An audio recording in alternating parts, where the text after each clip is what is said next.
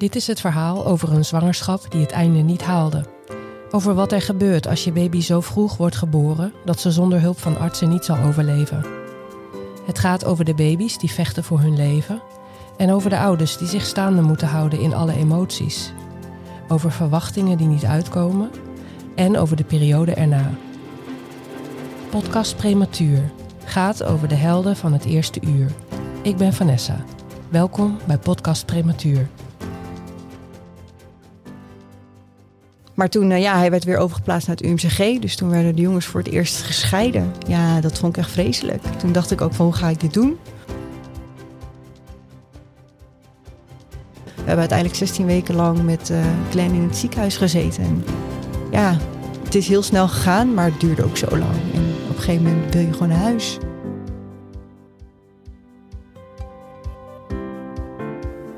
Lidie schreef mij over haar tweeling die met 26,5 geboren werd, Scott en Glenn. Omdat een van de twee werd getroffen door vele complicaties en een chirurgisch kindje werd, werd de tweeling na negen weken opgesplitst en kwamen ze in verschillende ziekenhuizen te liggen. Een loodzware tijd met een gifgroen randje genaamd corona, wat ervoor zorgde dat zij en haar vriend ook nog eens geïsoleerd waren in hun eigen ellende, alleen met steun van familie en vrienden door de telefoon. Hier is Lidie.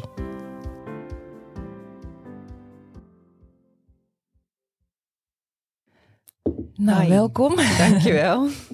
Eh, je, je voelt je apart. Je denkt, je probeert misschien zwanger te worden. Je, nou, je doet die test en dan zie je die test is positief. ja. Dan ga je naar de eerste echo toe en dan is het er niet één, maar zijn het er twee. Ja, ehm, nou, we gingen naar, die, eh, naar, die, eh, naar de echo toe. En ik wist, ik wist dat het een tweeling kon zijn, eventueel. Want eh, ik heb PCOS. En eh, dat betekent dat je geen ijsprong hebt of een, ja, een ijsprong, geen regelmatige ijsprong. En daar kwam ik eigenlijk pas achter toen ik stopte met de pil. Want eh, ja, René en ik hadden besloten dat we voor kinderen wouden gaan. En ehm, vervolgens eh, ja, word ik maar niet ongesteld. en ik was ook niet zwanger. Dus toen ben ik op een gegeven moment naar het ziekenhuis gegaan. Of in ieder geval naar de dokter gegaan. Die heeft mij doorverwezen naar het ziekenhuis. En daar kwamen ze al snel achter dat ik eh, PCOS heb. En dan begin je met een hormoonbehandeling. ik eh, moest eh, hormonen, of in ieder geval tabletjes slikken met hormonen. En dan eh, groeien er dus eh, eitjes. Mhm. En eh, in mijn geval waren dat er twee. En ehm, vervolgens eh, ja, moet je dan wel ja, op een bepaald moment je ding doen. En eh, de eerste keer was het in ieder geval niet gelukt. En eh, toen eh, ja, heb- ga je het hele traject op een gegeven moment opnieuw in. En toen waren er weer twee eitjes. En ja, vervolgens blijk je dan zwanger te zijn. Mhm. En ja, is het toch echt een tweeling? en dat, die kans is natuurlijk ook gewoon vrij klein. En ehm, ik vroeg eerst nog aan de, ja, aan, eh, aan die vrouw van, eh, nou, dus het is er één, want ze zag eerst maar eentje. Toen zei ze, van, ja, ik moet even verder kijken. En eh, ja, toen zei ze, ja, er zit er nog één. En toen had je René moeten zien. Ja. En toen op een gegeven moment zei ze, ja, maar nu moet ik nog even verder kijken. Nou, toen had je Oeh. helemaal René zijn hoofd moeten zien.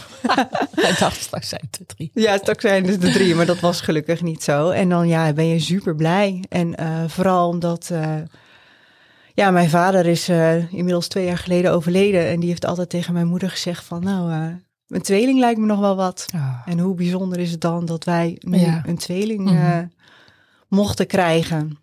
Dus dat was ja, heel dubbel ook. Mijn vader is in april 2019 overleden. En ehm, vervolgens, ja, vlak voor die tijd dachten René en ik van, nou weet je wat, eh, we stoppen met de pil. Misschien kan mijn vader dat nog meemaken, want hij Mhm. had eh, slokdarmkanker. Ah. En ehm, ja, toen werd ik maar niet ongesteld. En inmiddels was mijn vader eh, dus al overleden. Maar ja, we zijn toch verder gegaan. En ja, uiteindelijk was ik in december zwanger. Ja. Ja, van een tweeling. ja, bijzonder echt hoor. Ja, ja maar ja, dus ze geven natuurlijk ook wel de risico's mee. Dat Ja. kans op een vroeggeboorte, maar daar ben je op dat moment helemaal niet mee bezig. Nee. Totaal niet. Terwijl in mijn omgeving echt wel ook, eh, ja, is er ook een tweeling geweest die met 24 weken is geboren. En eh, eentje daarvan heeft het niet gered. Dat raakt mij nog steeds heel erg. Hmm. Ehm, dus je bent je wel heel erg bewust van. Maar toch denk je van, nee, maar dat, overkomt ons niet op de een of andere manier. Zo Mm. ga je er toch een beetje in van, nou ja, we hebben gewoon hoop en het komt vast goed. Ja, totdat eh, je 26 weken en vijf dagen zwanger bent. En eh, de dag voor mijn bevalling had ik al menstruatieachtige krampen. Maar ehm, ja, ik dacht van ja, ik eh, krijg een tweeling, maar dat zijn mijn banden die uitrekken. Dus Mhm. ja, ik gaf er niet heel veel aandacht aan. Ehm, ik eh, ben die avond zelf nog gewoon wezen sporten. Niet dat dat fantastisch ging, maar ik sportte nog best wel veel tijdens mijn zwangerschap, want ik voelde me hartstikke goed. Hmm. Eh, ik had ook weinig klachten, ook niet heel erg misselijk of zo, helemaal niet. Af en toe wat weeig, maar ja, dat hoorde er ook bij. En eh, vervolgens die nacht kon ik gewoon niet slapen. Ik was heel onrustig. Op een gegeven moment ben ik om vier uur s'nachts eruit gegaan, ben ik maar gaan douchen. En ja, die, die, nou ja, die krampen werden steeds erger. En op een gegeven moment heb ik toch het eh, ziekenhuis 's ochtends gebeld. En toen zei van, nou, kom maar langs. En uiteindelijk waren wij om half acht 's ochtends in het ziekenhuis. En ehm, vervolgens eh, leek er niks aan, te- aan de hand. Eh, ik had geen weeënactiviteiten. Eh, mijn baarmoeder was gewoon nog gesloten. Dus eigenlijk was er niks aan de hand. Totdat ik om half negen naar de wc ging. En in één keer ja, stond ik op en flats, daar Oeh. braken mijn vliezen. En ik zag ook ook zo'n bloedprop liggen. Toen dacht ik al van ja, dit, dit is niet goed. Hmm. Dus toen de verpleging erbij gehaald. En eh, ja, ik weet nog heel goed dat één zo'n verpleegster tegen mij zei van... eh, wat er nu gaat gebeuren, laat maar gewoon over je heen komen. Dus eh, ja, dat heb ik gedaan. Ik ben in bed weer gaan liggen. Ze hebben me longrijping gegeven, Hmm. weeënremmers. En ik was toen op dat moment in het ziekenhuis in Emmen. En ze hebben me met gillende sirenes naar Groningen gebracht. Want daar was dus een neo-afdeling. Dat hadden ze in Emmen niet. Hmm. En ehm, ja, vervolgens eh, die weeën, dat ging, werd alleen maar erger. Ik had rugweeën, nou dat is helemaal geen pretje. Hmm. En ehm, ja, uiteindelijk eh, is eh, Scott, die kwam als eerste om vijf voor half zeven is die geboren. Op natuurlijke wijze. Want het was gewoon niet meer te houden. Dus ja, ik vond het wel heftig, want die longrijping was natuurlijk nog helemaal niet, heeft niet zijn werk gedaan. En ehm, het eerste ook wat ik zei toen Scott eruit was, doet hij het? Want ik hoorde niks. Ja, normaal als iemand bevalt, dan hoor je toch een baby huilen. En Hmm. ik hoorde niks. Dus ja, eh, maar dat kon natuurlijk ook helemaal niet, want die longetjes waren zo klein. Eh, ja, ze, ze piepen meer een beetje. Ja, dat hoorde ik toen ook niet. Eh, gelukkig is Scott wel heel even op mijn borst neergelegd. Toen heeft René, mijn vriend, de naaldstreng doorgeknipt. geknipt. maar toen is hij meteen natuurlijk meegenomen om te stabiliseren. Hmm. En ehm, René is met Scott meegegaan. En eh, op dat moment, ja, had ik zo graag gewild dat mijn moeder bij me was. En eh, dat hadden we ook van tevoren afgesproken. Van, goh, als iets, iets is met de kindjes, dan, eh, dan gaat René met het kindje mee. En dan komt mijn moeder om mij bij te staan. Maar ja, Mhm. dat mocht niet vanwege corona. Dus dat vond ik best wel heftig. En ehm, nou ja, gelukkig was René net op tijd terug voor de bevalling van, van Glenn. Ehm, maar voor Glenn ja, was het ook nog weer even spannend, want die was gaan draaien in mijn buik. Die was dwars gaan liggen. Toen eh, daalde zijn hartslag op een gegeven moment. Dus toen was het een beetje paniek. Hmm. Eh, ze waren al aan het bellen voor spoedkeizersnede. Maar een eh, kinderarts heeft Glenn in mijn buik gedraaid. Zodat hij in een stuit kwam te liggen. En toen is hij gelukkig tien minuten later in een stuit ter wereld gekomen. Meteen meegenomen. Dus dat was ook heel heftig. Ehm, ja, dan heb je je kindje nog helemaal niet gezien. Ehm, gestabiliseerd gelukkig. Ehm, gelukkig hebben ze een goede start gemaakt, wat de arts ons vertelde. Maar Mhm. eh, ja, Glenn die, ehm, ja, die heeft gewoon even een pittige bevalling gehad. Die zat ook helemaal onder de blauwe plekken. En eh, ja, dan ben je bevallen en eh, je kindjes worden nog wel even naar de verloskamer in een couveuse gebracht, zodat je even je kindje kan zien in, ja, in de couveuse. Maar ja, wat zie je nou eigenlijk? Je kan niet veel zien. Nee. Toen eh, is eh, René natuurlijk meegegaan met de kinderen naar de andere afdeling. En dan ja, blijf je daarachter. En natuurlijk zijn er allemaal eh, verpleging en kinderartsen. En nou, in ieder geval, René vertelde mij nog ehm, dat achter de deur wel een stuk of tien kinderartsen klaar stond. Dat heb ik natuurlijk helemaal niet meegekregen tijdens de bevalling. Om de kinderen op te vangen.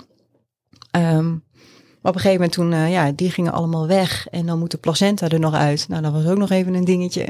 Vervolgens is dat er ook uit. En dan, eh, ja, ben je bevallen. Iedereen gaat weg. En eigenlijk blijf je een beetje alleen achter. Natuurlijk is Mhm. er wel een verpleging die ook bij je is. Maar dat moment voelde ik mij wel heel erg alleen, ja. Had ik Mhm. heel graag gewild dat mijn moeder bij me Ja. was. Ja. Ja.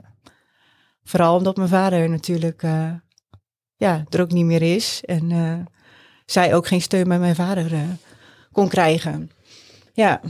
En eh, ja, mijn moeder die zat beneden te wachten in het ziekenhuis eigenlijk. Mm. Ja, maar goed, dan eh, op dat moment weet je, heb je ook geen idee wat voor rollercoaster je eigenlijk terecht bent gekomen. En ik kreeg ook beschuit met muisjes. Maar ja, Bizar, dat Bizar. hebben we eerder gehoord. Hè? ja, Zo dan- bizar, waarom doen ze dat? ja, misschien toch om een beetje het gevoel te krijgen van, ja, Ik vind het te snel. Ik vind het... Ja, nou ik kreeg beschuit met muisjes. Ik dacht ook van ja, valt er iets te vieren. Maar ja, ehm, je, zit ook, je bent ook nog een beetje in shock. Dus je weet ook niet zo goed wat er is gebeurd. En ja, in één keer ben je moeder van Scott en Glenn. En ja, je bent bevallen, maar je kinderen zijn er niet. Die zijn weg en je ligt daar. Ja, toen op een gegeven moment, toen eh, ja, moest ik, nou, mocht ik dan gaan douchen. En toen, ehm, ja, ik denk twee, tweeënhalf uur later, kon ik eindelijk eh, de kindjes zien. Dan heb ik eigenlijk Glenn voor het eerst gezien. Ah ja. Ja, en eh, ja, dan weet je nog steeds eigenlijk niet zo goed wat er is gebeurd. En ze zijn zo klein. Dat kunnen mensen zich denk ik niet voorstellen. Hoe klein. Ja, en heel roze waren ze. Rood-roze. Ja. Ja. Ja, en eh, ja, Scott die was 950 gram. En Glenn 990 gram. Ja. Ja, nog net geen kilo. 34 centimeter lang. Ja. Ja, zo klein, maar Ja. zo mooi. ja. En toch ook ergens was ik natuurlijk super trots. Ja. Maar je hebt geen idee wat er allemaal gaat gebeuren. Nee, wat er te wachten staan. Dus ja, wat je te wachten komt te staan. Ehm, ze vertellen wel, ehm, nou, als je dan aan het bevallen bent, wat er allemaal kan gebeuren. Maar ik was zo bezig met weeën aan het opvangen. ja. Ik, eh, ja, sorry, maar ik luisterde niet hoor. Ik was alleen maar eh, bezig met die weeën en dat opvangen. Mhm. Mijn vriend die was gelukkig wel. Maar ja. Was, je, was je toen ook bezig met waarom is dit in godsnaam nu gebeurd? Ja, ja ik, heb ik, ja, ik heb het heel lang mezelf toch kwalijk genomen. Dat ik dacht van ja, wat heb ik verkeerd gedaan? Ehm, ik heb me heel lang schuldig gevoeld inderdaad. Ehm, Zeiden die artsen wat, Nee, er was gebeurd? Geen idee. Ze, Geen idee. ze hebben ook de hele placenta onderzocht, dus opgestuurd. Ehm, nee, zijn ze nooit achtergekomen. Ze denken misschien een infectie. Maar ehm, ja, ik sportte nog best wel veel tijdens mijn eh, zwangerschap. Dus ik dacht van, oh, had ik het dan rustig aan moeten doen? Want het was coronatijd, dus eh, ik werkte op dat moment al thuis. Dus ja, ehm, eigenlijk deed je het al rustiger aan. Maar ja, ik bleef wel sporten. En toen dacht ik van, ja, zou dat het dan zijn geweest? Dat ik te veel heb gesport, maar zeg het maar. Nee, het is gewoon bij een eh, tweeling natuurlijk, heb je meer kans op een vroege geboorte. Mhm. En ik had ook wel verwacht dat ik eerder zou bevallen, maar niet zoveel eerder. Mhm. Nee, zeker niet. En, en, en lagen de kindjes naast elkaar op de NICU? Ja, gelukkig wel. Ehm, in het hoekje. De weverhoek eh, werd het ook wel genoemd. Ja, gelukkig wel. Ehm, en in eerste instantie, ja, ze hadden een goede start gemaakt, vertelden ze ons. Ehm, tot ja, na een paar dagen ehm, kreeg Scott een, een lange lijn. Ja, die, die adertjes zijn natuurlijk ook zo klein. En al die infuusjes, dat prikken en zo, dat ging gewoon, ja, dat ging bij hun gewoon heel moeizaam. Dus daarom hadden ze een lange lijn ingebracht met voedingsstoffen. En ehm, ja, ze, hadden wel verteld van, nou ja, de kans op infecties is wel aanwezig natuurlijk. En eh, ja, dat gebeurde natuurlijk ook. Ongeveer na een week eh, na de geboorte van Scott eh, werd hij heel erg stil, of heel stil. Hij werd rustiger, hij bewoog minder. En toen dacht ik al, oh, dit is niet goed. En toen bleek hij inderdaad een lijninfectie te hebben. Toen heeft hij allemaal antibiotica gekregen, is hij aan de beademing geweest. En vervolgens knapte die gelukkig weer op. Die lijn is natuurlijk meteen uitgehaald en toen eh, knapte die weer op. Glenn heeft ook even aan de beademing gelegen een dag na de bevalling. Die eh, had natuurlijk een zware bevalling eh, gehad. En eigenlijk ja, leek het in eerste instantie wel goed te gaan met de jongens. Totdat eh Glenn een beetje een bol buikje kreeg. met ja, echt vaattekeningen zag je telkens op zijn buik. Ja, het heeft het last van een bol buikje. En natuurlijk denk je dan meteen aan nek. Nou, dat, eh, dat was het gelukkig niet. Maar eh, ja, het bleek onrijpe darmen te zijn. En ze dachten dat door de CPAP, in eerste instantie de CPAP en daarna de high flow, ehm, dat er ook lucht in zijn buikje werd geblazen. En dat hij daardoor zo'n bolle buik had. En hij had ook wel moeite met, eh, ja, met zijn ontlasting. Dus heeft heel vaak schoorsteentjes gekregen, heel vaak klisma's. Dat leek elke keer wel dan daarna wel weer beter te gaan. Dus ja, eigenlijk dachten we zoiets van, nou, dat hoort dan maar gewoon bij Glenn. Dus um, ja, Glenn heeft uiteindelijk ook nog een infectie gehad. Ook aan antibiotica geweest. Ja, er is eigenlijk heel veel gebeurd. Ja, dat, als ik dat allemaal moet vertellen. Maar um, op een gegeven moment, na vijf weken op de NICU, mochten de jongens uh, naar, uh, naar, naar het Martini ziekenhuis, naar de afdeling high care. Dus eigenlijk ging het best wel goed met de jongens. Ja, na vijf weken. Um, tuurlijk waren er wel wat hobbeltjes en die buik bleef zorgelijk, maar ja, niet zo zorgelijk dat ze daar iets mee moesten doen. Hey, en uh, stond ze laag in het UMCG. ja. En, uh, maar uh, dus eigenlijk om een plek plekken, twee plekken vrij te maken voor. Ja, het was druk op de afdeling. Ja, ze waren bijna 32 weken toen op dat moment. En zij waren wel zo goed dat ze naar, uh, naar highcare mochten. En dat was gelukkig ook in Groningen. Toen zijn we verhuisd naar Martini ziekenhuis. Uh, maar ik moet wel heel eerlijk zeggen dat dat uh, echt wel een vooruitgang was. Heel veel rustiger. Want ja, op de NICU, dat is allemaal toeters en bellen. En um, ja, natuurlijk iets van tien couveuses op één afdeling. Nou, en ja, er gebeurt natuurlijk constant wat. Alarmbellen, nou je kent het wel. Heel onrustig, weinig privacy. En uh, in het um, Martini ziekenhuis, ja, daar hadden we uh, ja, wat meer privacy. En dan had je ook echt van die gordijnen waar je achter uh, kon verdwijnen. In, in, in het UMCG moest je echt achter een schermpje zitten te kolven en alles. En ja, daar was het gewoon veel ja, een stuk rustiger. Dus eigenlijk leek het gewoon goed te gaan. En we dachten, wow, we zijn gewoon al onderweg ja, steeds meer onderweg naar huis. Mm -hmm. Totdat, uh, ja, na negen weken, toen de jongens negen weken oud waren, uh, Glenn weer een enorm bolle buik kreeg. En uh, op een gegeven moment had hij ontlast, of bloed bij, de, bij zijn ontlasting. En toen dacht iemand van, ja, dit kan wel eens de ziekte van heersprong zijn. Um, en de ziekte van heersprong is ook een darmziekte waarbij ja, je zenuwen mist in je, ja, in je darmen, waardoor de poep ja, moeizaam voortbeweegt. Maar ik had al zoiets, ja, maar hij kan wel poepen. Kijk, het gaat moeizaam, maar hij kan het wel. Dus ik had al zoiets van, dat is het niet. Maar goed. Heersprong is niet zomaar, hè?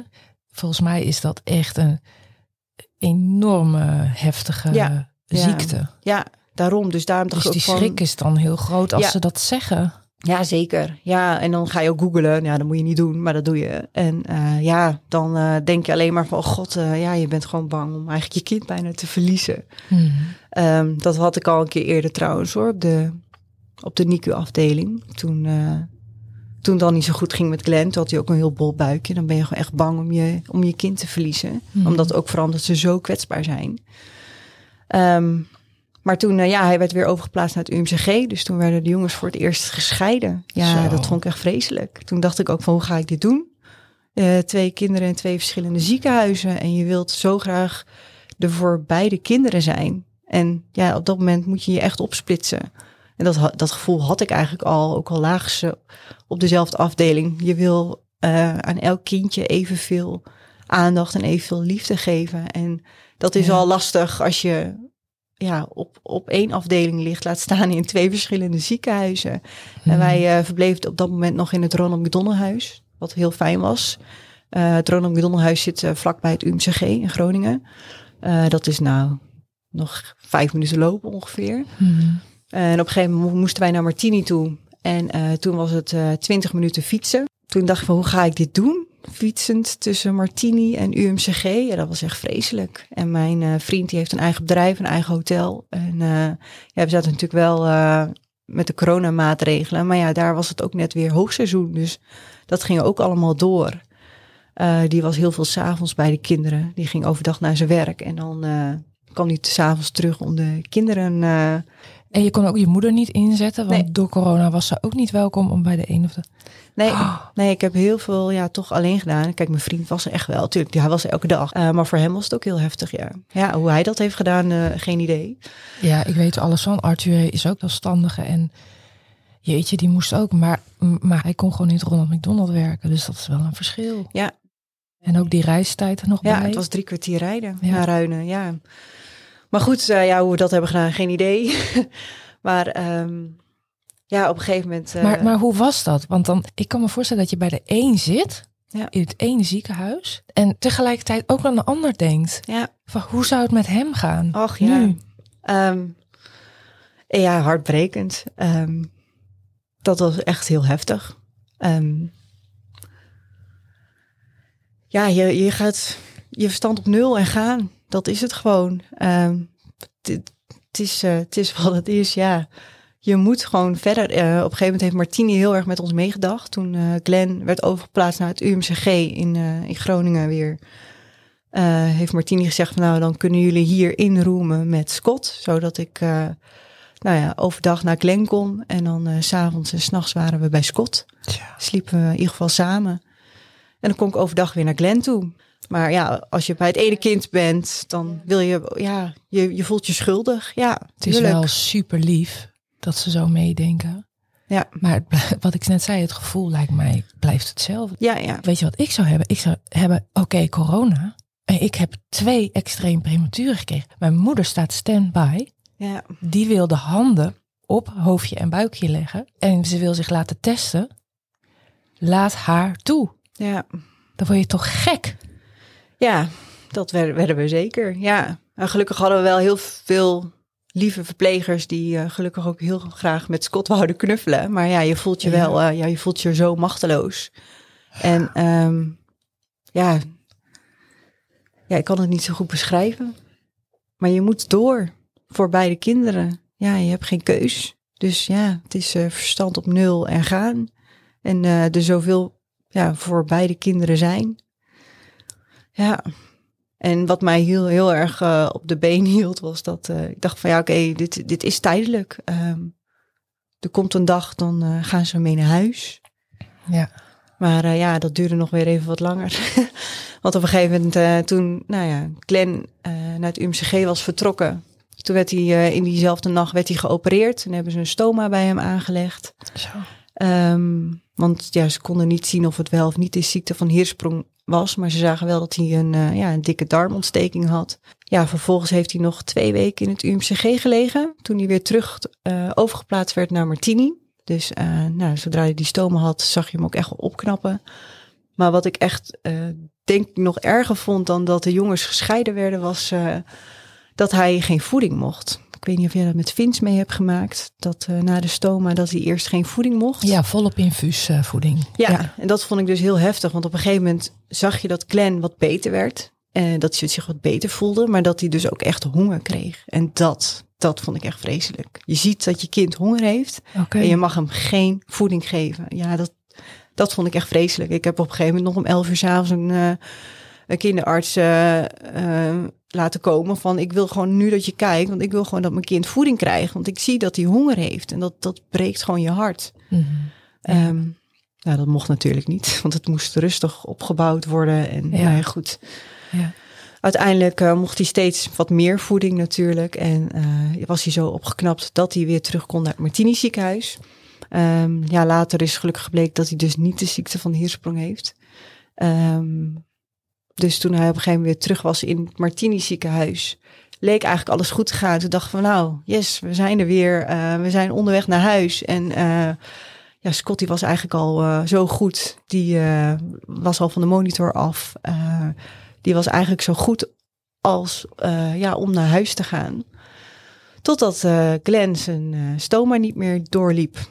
Had hij een, eh, een verstopping. En eh, ja, de, zijn stoma produceerde niet meer. En toen, toen ik al merkte van, huh, er komt niks uit. Want eigenlijk liep dat elke keer wel een beetje door.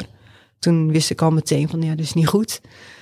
Ehm, toen ehm, is hij weer overgeplaatst naar het UMCG. Het UMCG. Dus voor de tweede vreselijk. keer, ja. Voor de tweede keer werden de jongens ook weer gescheiden. Want we waren net weer, ja, wij zijn denk ik twee weken samen geweest in het, eh, nee, één week in het Martini ziekenhuis. Dat we konden inroemen. We zaten met z'n vier op een kamer. Dat was echt fantastisch. Dat was, Mhm. kon gewoon dag en nacht bij mijn kinderen zijn. Nou, Mhm. ik was zo blij. Mhm. En eh, ja, vervolgens moest hij weer terug naar het UMCG. En toen bleek die, eh, want ze kregen eh, BMF in de, in de moedermelk. Die, eh, die ik dus afkolfde, want ik heb ja, voornamelijk gekolfd. Omdat de jongens ook nou, niet... eh, ja, ze waren eigenlijk te, nou, te zwak. Ze konden niet goed aan de borst drinken. Ze waren, ja, dat, is, dat hebben we prematuurtje natuurlijk. Mhm. Uh, ze konden niet effectief genoeg aan de borst drinken. Dus ik kolfde inderdaad alles af. Dat moet je sowieso in het begin doen natuurlijk. Als het lukt. En um, ja, dan om maar extra te groeien gaven ze B, uh, BMF. Ja, extra calorieën. Ja, in de, mm. zo'n soort poeder uh, deed je dan in de melk. Mm. En daar is hij dus stop van uh, geraakt. En toen hebben ze nog, nou denk wel anderhalf week tot twee weken lang geprobeerd Glen te spoelen. Maar zelfs met olijfolie. Maar dat, ja, dat lukte gewoon niet. Dat, er kwamen hele kleine korreltjes telkens uit. Ja, ze hebben natuurlijk foto's gemaakt. En ze zagen ook wel melkproppen in ja. zijn darmen zitten. En toen vermoeden ze al van, oh, dat komt waarschijnlijk door de BMF. De melkpoeder, of de poeder die okay. ze toevoegden aan de, aan de moedermelk om extra te groeien. Um, op een gegeven moment toen waren wij inmiddels al thuis met Scott. En uh, toen hebben ze, belden ze om tien uur s'avonds, nou het gaat helemaal niet goed met Glenn. Uh, kom maar deze kant op, we gaan toch acuut opereren. En um, want we waren bang dat de darmwand, dat daar een uh, gaatje in terecht zou komen. Mm -hmm. Als het zo verder doorging. Mm -hmm. Dus hij is toch acuut geopereerd. En toen hebben ze de melkproppen verwijderd. Er zaten volgens mij twee melkproppen vast. dus ze hebben ook een stukje darm verwijderd. En vervolgens, ja, werd hij weer teruggebracht naar de, naar de kinder-IC. Ja, daar heeft hij ook weer een week lang gelegen. En dan zie je je kleine mannetje in een heel groot bed. Maar gelukkig was de operatie goed gegaan. Um, en ja, nou, uh, denk ik na vijf dagen ongeveer produceerde die gelukkig weer. Zei je niet tegen mij, ze zei dat, uh, dat die kans op vastlopen van de voeding, of dat indikken is het eigenlijk, ja. door BMF, dat die kans eigenlijk niet zo groot is. Nee, nee, ze zeiden ons dat dat een hele kleine kans was. Ja. Maar het is toch wel bijzonder. We zitten tegenover elkaar en onze, allebei onze kindjes is dit overkomen. Ja. En had uh, Vincent ook al een stoma? Volgens mij liep hij vanaf het begin af aan al vast door BMF. Oké. Okay. En dat was ook de oorzaak uh, van, die, van, die spoed, dus van de spoedoperatie, omdat zijn buik zo opzwol. Ja, die, die dokters, ja, ik, ze zeiden ook, ja, zo, het gaat vanzelf niet meer weg. Het gaat vanzelf niet meer goed komen. Dus we moeten hem gewoon wat ik net zei, openmaken. En we weten eigenlijk niet wat we aantreffen. Ja. En er was een stuk darm, was inderdaad al afgestorven. 30 centimeter. Ja, jeetje. En, uh, en toen uh, hebben ze dus, heeft hij de, de chirurg dat stoma aangelegd. Uh, maar, maar hij bleef dus vastlopen, want ze bleven die BMF toevoegen aan de, aan de moedermelk. Oh, ja. En toen zijn ze zelf, en bij jullie zijn ze, hebben ze eerder dat vermoeden gehad, heb ik het idee. Ja. Want als je maar blijft toevoegen. En dus hij bleef vastlopen. Dus hij bleef gespoeld worden. Hij bleef, er bleef poep uit hem geschept ja, er kwam worden. helemaal niks uit. Nee. nee. Dus Nee. ja, misschien dat dat dan het vermoeden sterker maakt of zo. Maar ja, die, die BMF, die... eh, En uiteindelijk zijn ze er inderdaad afge- eh, achtergekomen op het moment dat ze dus dat die puur op infuusvoeding werd gevoed. eh, dat leek het goed te gaan. Leek die niet meer vast te lopen. Leek dat stoma door te lopen. Nee, bij ons ook niet. Maar ze hebben zelfs mijn moedermelk gecheckt. Ja? op, Oh. op mijn eh, aandringen. Omdat ik zei van ja, dat moet dan, als het dit allemaal dit en dit en dit niet, als het daar dan niet aan ligt, dan ligt het aan mijn melk. En misschien dat er toen een lampje bij hun ging branden. Ja, maar wacht, we voegen ook nog wat toe aan die melk, want mijn melk kwam er gewoon goed uit. Ja, ja heftig. Ja. Nee, eh, bij ons was het dat vermoeden al best wel snel. Ja. En, Misschien dankzij Vins. ja, misschien. dat zou wel eh, fijn zijn, ja. Ah. dat vond ik denk ik nog wel de heftigste periode. Dat hij daar zo eh, echt ziek van was. En dat hij geen voeding mocht drinken. Terwijl hij Mhm. echt wel zuigbehoefte had. En ja. Ja, en dan had je een ander kindje, die was inmiddels al thuis. Want die, Ja. die was zo goed dat hij naar huis mocht. En ehm, voordat wij naar, eh, naar huis gingen met Scott, zijn we nog met, Glen, met, of, ja, met Scott langs Glen geweest in het UMCG. En eh, ja, op een gegeven moment mag je dan Scott mee naar huis nemen. Nou, dat, je Ja. bent heel blij, maar tegelijkertijd is het ook zo dubbel, want je andere kindje blijft achter. Mhm. Ik heb eh, René twee keer zien huilen. En dat was de eerste keer was toen Glenn net voor de eerste keer geopereerd werd. Toen hij eh, voor het eerst de stoma zag. En de tweede keer was toen wij eh, Scott mee naar huis namen, maar Glenn achter moesten laten. En je hebt natuurlijk een heel ander beeld in je hoofd van we gaan met z'n vieren naar huis. Ja, nee, niet dus. Mhm. Nee, en ja, vier weken later is gelukkig Glenn alsnog thuisgekomen. Want na die tweede operatie eh krabbelde die weer helemaal op, gelukkig. Ehm, Hmm. Ja, en ehm, ging, ja, eigenlijk vlak daarna produceerde ze stoma gelukkig ook weer. En uh, ja, toen wou ik het zo snel mogelijk zelf allemaal leren. Um, want wat jij ook al vertelde, er waren zoveel verpleging en zij waren niet allemaal gespecialiseerd in stomazorg. Dus ja, dat wou ik allemaal zelf doen. Ik wou, want ik wou dat leren om zo snel mogelijk naar huis te kunnen, maar ook omdat ik dan wist van, oh, dan gaat het in ieder geval goed.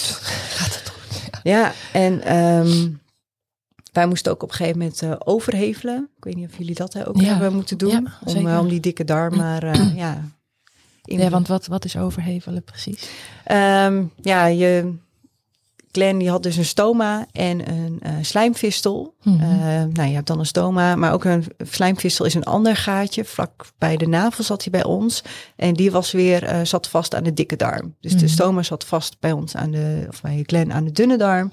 Daar kwam de ontlasting uit en dat moesten we dan opvangen in een zakje.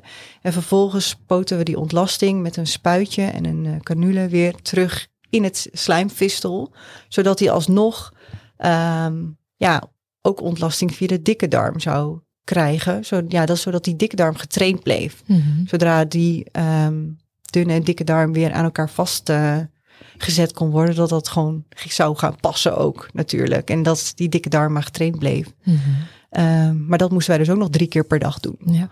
Ik heb wel eens meerdere keren uh, de opmerking gekregen: Oh, maar dan uh, hebben we in ieder geval uh, geen poepluiers. Nee, oh. wel dus. maar goed, ja, dat mensen hebben natuurlijk geen idee wat nee. dat allemaal inhoudt. Trouwens, ook een stomaatje. Nee, we hebben uiteindelijk 16 weken lang met Glenn in het ziekenhuis gezeten. En ja, het is heel snel gegaan, maar het duurde ook zo lang. En op een gegeven moment wil je gewoon naar huis. Mm. Ja. Want je zei dat die eerste keer dat je je vriend zag huilen, dat was toen hij het, het met de operatie, hè, dat hij het stoma zag. Ja. Ik, ik, ik voelde wel gelijk zo'n herkenning. Ik, het was, bij Vince was het ook zo. Die hele operatie was al verschrikkelijk natuurlijk. Het is zo spannend. Ja. Je wil niet dat je mini kindje opengesneden wordt, laten we het maar zo zeggen. En dat stoma vond ik ook zo eng, want dit wil dat niet. Je wil het niet, je wil het niet zien. Maar, maar ik moet zeggen, ja, ik wilde het niet zien, maar ik moest het natuurlijk zien. Dus ik zag het. Maar ik was ook na twee seconden was ik eraan gewend. Ging ik gelijk zo, hup, schakelen over. Oké, okay, wat moet ik doen? Ja. Wat gaan we nu Precies doen? Precies hetzelfde. Ja, je ziet het, je denkt wel van, oh, mijn kind is verminkt, weet je wel. Maar ja. je meteen hup schakelen van, oké, okay, uh, dit gaan we doen. Hij kan met stoma naar huis, dus prima. Uh, wat moet ik doen inderdaad, ja. uh, om zo snel mogelijk. Ja, hij moet natuurlijk herstellen, weet je wel. Maar ja, ik was meteen inderdaad weer in die overlevingsmodus eigenlijk. Ja. Dan ben je continu. Ja. Um, en je ook telkens vers, verstel je je grenzen of zo. Ja. Ja. Ja. Ja. Ja, zo van, uh, uh, op een gegeven moment is alleen maar één punt, overleven. Als ik hem maar levend mee naar huis krijg. Ja, precies. That's it. Ja, ik weet nog wel heel erg in het begin toen uh, de jongens, nou ja, net geboren waren, dat iemand tegen mij zei van ja, het kan zijn dat ze gescheiden worden of dat ze, um, ja, um, dat de een eerder naar huis gaat dan de ander. En dat was toen in mijn hoofd al paniek. Dat ik dacht van nee, nee, nee, ze moeten bij elkaar blijven. En ja, vervolgens inderdaad gebeurt het allemaal. Uh, twee verschillende ziekenhuizen. Eén kindje eerder mee naar huis dan de ander. Ja, een heel ziek kindje. Maar je verstelt elke keer je grenzen. Want je bent al lang blij en dankbaar dat hij het heeft overleefd. Ja. Dat het, dat hij, ja, dat het, dat het nu zo goed gaat. Ja. Dus ja, ik weet niet hoe ik dat moet uitleggen, maar ik ben ook gewoon heel dankbaar dat hij er gewoon nog is. En ja. dan heeft hij maar een, een enorm litteken, maar ja. hij is er nog. En dat is het belangrijkste. Ja. ja. Maar dat neemt niet weg dat het een pittige periode was. En ook thuis met, al, met dat overhevelen en uh, die stomazorg. Ja, dat moest ook gewoon elke dag. Dat overhevelen moest drie keer per dag. Ja, heel veel mensen zien dat niet. En uh, Glenn die had op een gegeven moment toen hij thuis kwam acht voedingen. Scotty zat op zes. Dus ons hele schema was sowieso uh, helemaal door de war, helemaal anders. Er was Mhm. mm -hmm. geen, ze liepen gewoon niet gelijk. Nee. Ja, maar goed, dat doe je. En dan moest je ook nog om de drie uur kolven. Ja, hoe ik dat ook heb volgehouden, ik heb er geen idee. Lijkt, het klinkt alsof je geen moment rust had. Nee. Ja, dat had je ook niet. Aan de lopende band ging het door. Ja. Ja, want dat, dat ook nog eh, met dat kolven, dat uh, om de drie uur kolven, ja. Um, ik ben heel dankbaar dat het bij mij lukte, natuurlijk. Um, want dat ging in het begin natuurlijk ook niet uh, meteen goed. Dat nee. moest echt wel even langzaam op gang komen. Want mijn lichaam was natuurlijk helemaal niet klaar om, uh, ja, om zover om moedermelk te geven. Maar dat is gelukkig allemaal goed gekomen. Um, maar ja, het was wel pittig, ja. Ook midden in de nacht natuurlijk. En dan, uh, oh ja, mensen denken dan van, oh, je kindje ligt in het ziekenhuis, dus je kan lekker s'nachts slapen. nee, dat is niet zo, want ik moet ook gewoon om de drie uur kolven. En eigenlijk om de tweeënhalf uur, want je bent aan het kolven, je moet die dingen allemaal weer schoonmaken. Juist. En uh, na tweeënhalf uur begint het hele riedeltje weer. Ja. Dus uh, nee, ik kan niet rustig slapen. En dan alleen maar nog geen eens te denken aan alle zorgen die je hebt. En ik zat ook vol adrenaline in het Martini ziekenhuis ben ik ook op een gegeven moment uh, door een verpleegster uh, echt naar huis, nou niet naar huis, naar het Ronald McDonald huis gestuurd. Omdat ik gewoon, ik was er gewoon dag, na dag en nacht. Ik was er, eh, overdag was ik gewoon heel veel. Hmm. Maar ja, ik had natuurlijk twee kindjes. En ik wou voor alle beide kindjes er zijn. Um, ja, dus ik, ik heb periodes gehad dat ik daar om acht uur s ochtends was. En dan ging ik om tien uur s'avonds pas weer terug naar het Ronald McDonald huis. Toen heeft er een verpleegster wel even gezegd van nou dit gaan we dus even anders doen. Ik ben heel dankbaar dat ze dat uiteindelijk heeft gezegd. Mhm. Maar ja, voor mijn gevoel kon ik ook geen rust nemen. Of die rust had ik gewoon niet. Mhm. Ik weet niet hoe jij dat hebt ervaren, maar iemand zei van ja, dan ga je smiddags toch even slapen. Slapen. Denk je dat ik kan slapen? ik zit vol met adrenaline. Ja, het is precies, je gaat elke keer over je grenzen heen. Ja. Waar je, waar je in een normaal, een normaal dagelijks leven zou zeggen: Oeh, ik ben een beetje moe, een beetje rusten, even met een kopje koffie op de bank. Wat, wat ik nu zou doen. Daar, daar was geen sprake van. Het was continu. Dus elke keer haal je net het laatste beetje energie uit je. Je gaat en dan ga je weer. En denk je: Zal ik? Of dan zit je even in het Ronald McDonald en dan denk je: Zal ik wel? Zelfs als Arthur bij hem zat, dan nog dacht ik: nee, ik moet naar hem toe. Hij heeft me nodig. En echt waar, ik sleepte mezelf door die gangen van het ziekenhuis heen. Ja. Ja. En dat vond ik dus ook heel lastig met twee. Zo. Ja.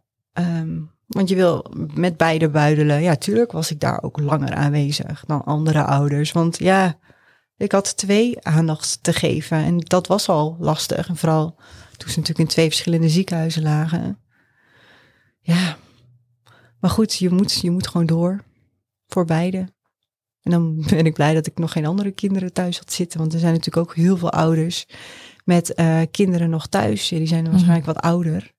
Ja, dat. Maar goed, dat is ook heel heftig. En ik ben ook mijn moeder nog heel erg dankbaar dat zij uh, toen Scott na twaalf weken uiteindelijk thuis mocht komen. Um, zij heeft dagenlang, ja, vier weken lang, elke dag voor, uh, nou niet elke dag, want René was er natuurlijk ook wel.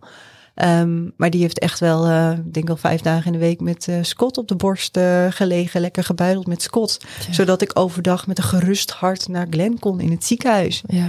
En dan s'avonds en s'nachts was ik er weer thuis voor Scott. Ja, zo, zo deden we dat. René was ja, twee dagen in de week vrij. En die andere vijf dagen ja, waren voor hem heel pittig. Hij werkte en dan uh, ging hij s'avonds nog naar het ziekenhuis toe. Ja, ja. Ja, maar ja.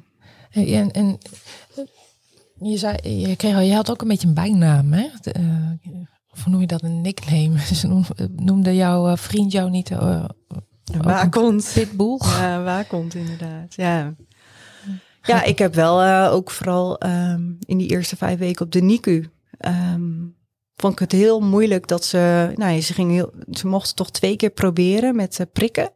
En dan bij de derde keer moest dan, als het dan nog niet was gelukt, dan moest iemand anders uh, het proberen. Ja, ja. Maar goed, je bent natuurlijk in het, het infuus prikken. Ja, het infuus prikken, ja, sorry. Um, ik ben op een gegeven moment heel erg boos geworden. Ja, want ik dacht op een gegeven moment dat er een co-assistent dat uh, ging doen. Um, maar ik dacht echt van ja, hallo, uh, dat ging dus twee keer mis. Ik, ik, en toen kwam er een echte kinderarts. Die deed het wel in één keer goed. En toen ben ik echt heel boos geworden. Ik zei ja, hallo, mijn kind is geen experiment. Prima dat jullie moeten oefenen, maar niet op mijn kind. dus daar ben ik wel eens heel erg boos uh, ja, om geworden natuurlijk. Heel herkenbaar. Ja, want dat is gewoon heel heftig om te zien. En uh, natuurlijk... Ze zeggen ja, het is een academisch ziekenhuis. Ja, Ja, dat en is een je, academisch ziekenhuis. alle lof voor het personeel, want ze doen hun werk zo goed. Maar er zijn gewoon momenten inderdaad dat je gewoon iets minder klikt ook met iemand. Ik had ook met een eh, andere verpleger waar ik enorm zenuwachtig van werd. Want die, hij deed ook heel zenuwachtig. En daar werd ik zenuwachtig van. En uiteindelijk heb ik dat dus wel tegen een eh, andere verpleegster gezegd. Van eh, ja, ik word een beetje zenuwachtig van hem, weet je wel. Volgende dag stond gelukkig iemand anders op de jongens. Oké. Dus daar doen ze waarschijnlijk wel wat mee, vermoed Ja. ik. Ja, dat is anders in het AMC. Oké. Er wordt gewoon eh, keihard op het beleid gewezen. En eh, eh, ja, eigenlijk gewoon gezegd van... ja, iedereen is even goed opgeleid. Ze zijn allemaal hetzelfde opgeleid. En ze doen allemaal even goed hun werk. Dus je hebt het niet voor het kiezen. Oké, nee, zo heb ik dat in Groningen niet ervaren. Nee. Nee. Nee, maar ik heb wel gewoon een paar keer gezegd, als, als me iets niet beviel of als ik, ja, als ik eh, vond dat het iets te hardhandig ging, dan, eh, ja, dan liet ik dat natuurlijk wel even weten. Ja, en ik was daar natuurlijk heel veel. Ik was heel veel in het ziekenhuis. En hoe werd dat ontvangen? Ja, weet ik eigenlijk helemaal niet meer. Ik denk dat mij dat ook niet heel veel interesseerde hoe dat werd ontvangen. Want ja, het ging om mijn kind, mijn kinderen. Ja. Nee, Je werd niet tot de orde geroepen. Nee, nou, nee. Ja, één keer ben ik, maar dat, dat was tijdens de hersteloperatie van Glenn. Want toen eh Glenn eh, de hersteloperatie had, toen eh, ja, ging ook weer niet van een leien dakje. Want hij, zijn maag was stil komen te liggen na de operatie. Ehm, waardoor hij alles weer uitspuugde. En hij had zijn infuusje al op de uitslaapkamer al afgeslagen. Waardoor hij geen infuus had. En hij had dus een vochttekort opgelopen. En dus mocht hij weer een tijdje geen voeding. Dus ja, alles kwam weer terug. Flashbacks naar de vorige keer. En ehm, op een gegeven moment was ik ook eh, weer zo boos. Want ik zag gewoon dat Glenn honger had. En ehm, toen was het om zeven uur 's ochtends, want ik sliep daar. Ehm, toen heb ik op een gegeven moment tegen, eh, ja, ook tegen een zuster gezegd van jullie gaan nu die eh, kinderartsen bellen. Want ik ga echt niet tot negen uur wachten. Want ze zouden om negen uur langskomen voor visite. Ik ga echt niet tot negen uur wachten. Ik wil dat jullie nu, dat er nu iemand langskomt. En toen kwam er een andere verpleger even eh, met mij praten om eh, te vragen of alles wel goed ging. En die heeft ook wel even gezegd van ja, het kan helaas niet anders. Ja, Het is natuurlijk ook een opeenstapeling. Hè? Als, je, als je kijkt naar hoe, naar hoe ouders zich opstellen en hoe ze met. eh, Kijk, het is natuurlijk slecht nieuws op slecht nieuws, tegenslag na tegenslag. En, en als je het van de andere kant bekijkt, weet het maar eens op te vangen als verpleegkundige. ja, Ik bedoel, het is je werk. Je gaat gewoon naar je werk doen. Je wil gewoon je werk doen. En dan, en dan krijg je gewoon te maken met een, met een, met een ouder die gewoon vol emotie zit. En eh, vol trauma al waarschijnlijk. ja, En eh, ja, wees daar maar eens tegen opgewassen. ja. Ik heb heel wat afgehuild daar. Ja. En ik voelde me gewoon heel machteloos. Dat was het ook. Je voelt je zo machteloos. Ja, daar ontstaat natuurlijk ook die woede op bepaalde momenten. Juist Ja. uit dat gevoel. Ja.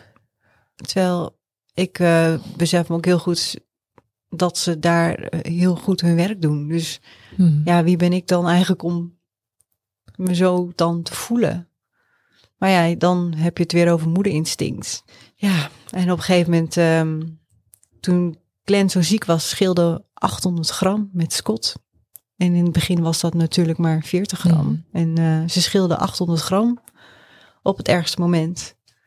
En inmiddels eh, is dat nog maar 30 gram. Ja, Bizar, hè? ja.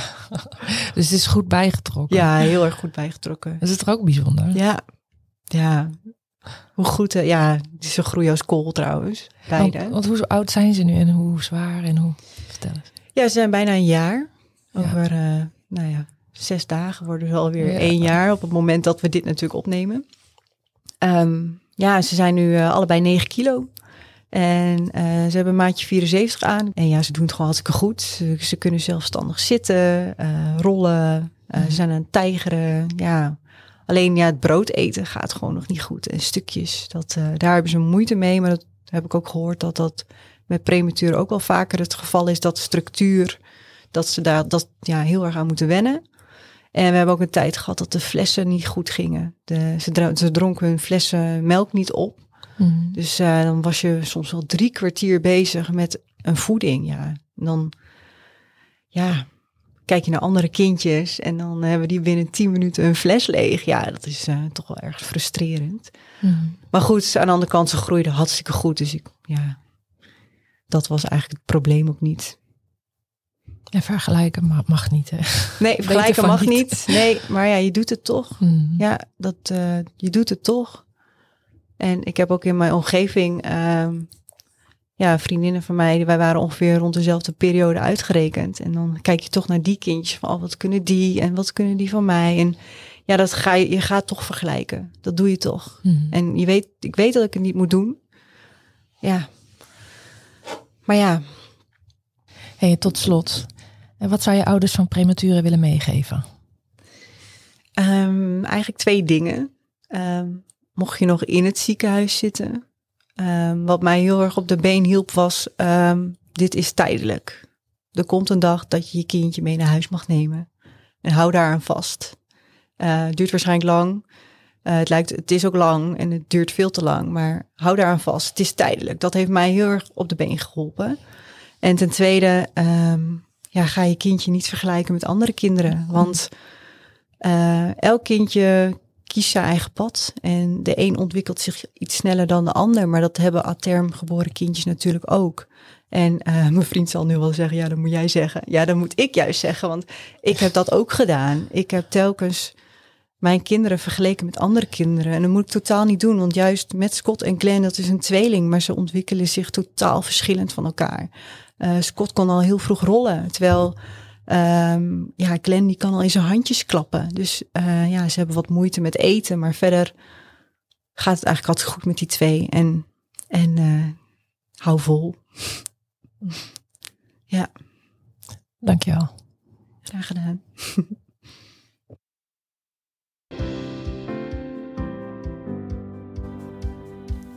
In een vlogje dat ik opnam voordat ik in gesprek ging met Lidie, zei ik gekscherend dat ik mijn tweelingzus zou gaan ontmoeten.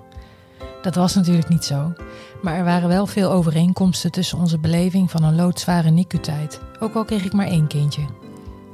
Ik heb Lidie leren kennen als een tijgermoeder. Ze vroeg zich eerst af of de vroeggeboorte aan haar te wijten was en vervolgens ging ze op standje overleven en gaan. Ze heeft zich op adrenaline door de NICU-tijd heen gevochten haar tweeling opgesplitst in verschillende ziekenhuizen, waarvan eentje heel erg ziek werd en chirurgisch. In coronatijd geïsoleerd van alles en iedereen, om de drie uur kolven, zelf de stomaverzorging doen en thuis met verschillende voedingsschema's voor een premature tweeling zorgen. Wat me niet loslaat, is hoe Lidie vertelde over het infuusprikken van haar zoontjes. Een co-assistent die twee keer mag proberen te prikken en als het dan nog niet is gelukt, de kinderartsenwerk laten doen. Hoe valt dat te rijmen met ontwikkelingsgerichte zorg en NITCAP? We doen alles om de prikkels zo mogelijk tot een minimum te beperken, maar valt daar het oefenen op een kindje niet onder? Stressreductie toch? Mijn zoontje hoeft later geen tatoeages te nemen om zich te onderscheiden van de rest. Hij heeft zich op de NICU al twee sleeves laten aanmeten. Armen en handen vol met prikkelittekentjes. Ja, het is een academisch ziekenhuis. Het wordt als een soort vasthangende langspeelplaat als antwoord gegeven. Maar eerlijk gezegd word je van zo'n antwoord als zo goed alleen maar nog bozer na de zoveelste onnodige pijnprikkel die je je kindje moet zien ondergaan. En naast boosheid kan het ook zorgen voor een flinke dosis wantrouwen jegens het ziekenhuisbeleid. Want er gebeurt immers iets dat niet in het belang is van het kind. Hadden we een keus dan om mijn extreem prematuur mannetje geboren te laten worden in een ziekenhuis met een NICU waar geen leerlingen in opleiding op hem mogen oefenen? Dan maar even de gang op, even stoom afblazen. Dan hebben zij daarbinnen in ieder geval geen last van me. Maar s'avonds, s'avonds krijg ik geen hap naar binnen, omdat die knoop zo in de weg zit. En in de jaren die volgen zullen er nog veel tranen vloeien door dit gevoel van onrecht. Vraag aan willekeurige ouders van pas op tijd geboren kinderen of je ze een infuus mag prikken, in naam van de wetenschap, als oefening voor een IO. Hoeveel ouders denk je dat daarmee instemmen? Waarom gebeurt dit dan wel met prematuren of juist met prematuren? Puur omdat hun leven of dood in handen is van artsen? Moeten ze dit terugdoen in ruil voor het redden van hun leven? Je voelt je als ouder in de hoek gedrukt Zijn er in deze tijd van technologische ontwikkelingen geen andere manieren te bedenken voor dit stukje praktijk van de opleiding door middel van simulatietechnieken? Bestaan hier eigenlijk landelijke beleidsafspraken over? Met andere woorden, hanteert elke NICU hierin hetzelfde beleid? Wat zijn de overwegingen daarin? Wat zijn eigenlijk de rechten van het kind en namens hen hun ouders? En wat zijn de rechten van het ziekenhuis? Interessante vragen die een antwoord zoeken.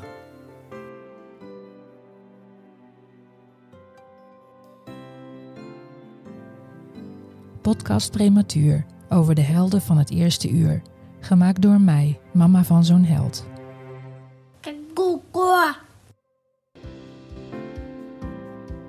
Leuk dat je hebt geluisterd naar deze podcast. Ik weet niet of je zelf moeder of vader bent van een prematuur of op een andere manier betrokken bent.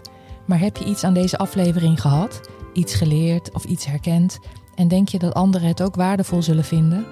Dan zou ik het heel erg waarderen als je de aflevering zou willen delen op social media waar we ook actief zijn. Op Facebook of LinkedIn. Op Instagram kan je een post delen door er een screenshot van te maken, ons erin te taggen en het op je feed te plaatsen of als story. Wil je meepraten over het onderwerp van deze aflevering of heb je meer informatie voor me? Neem dan alsjeblieft contact met me op.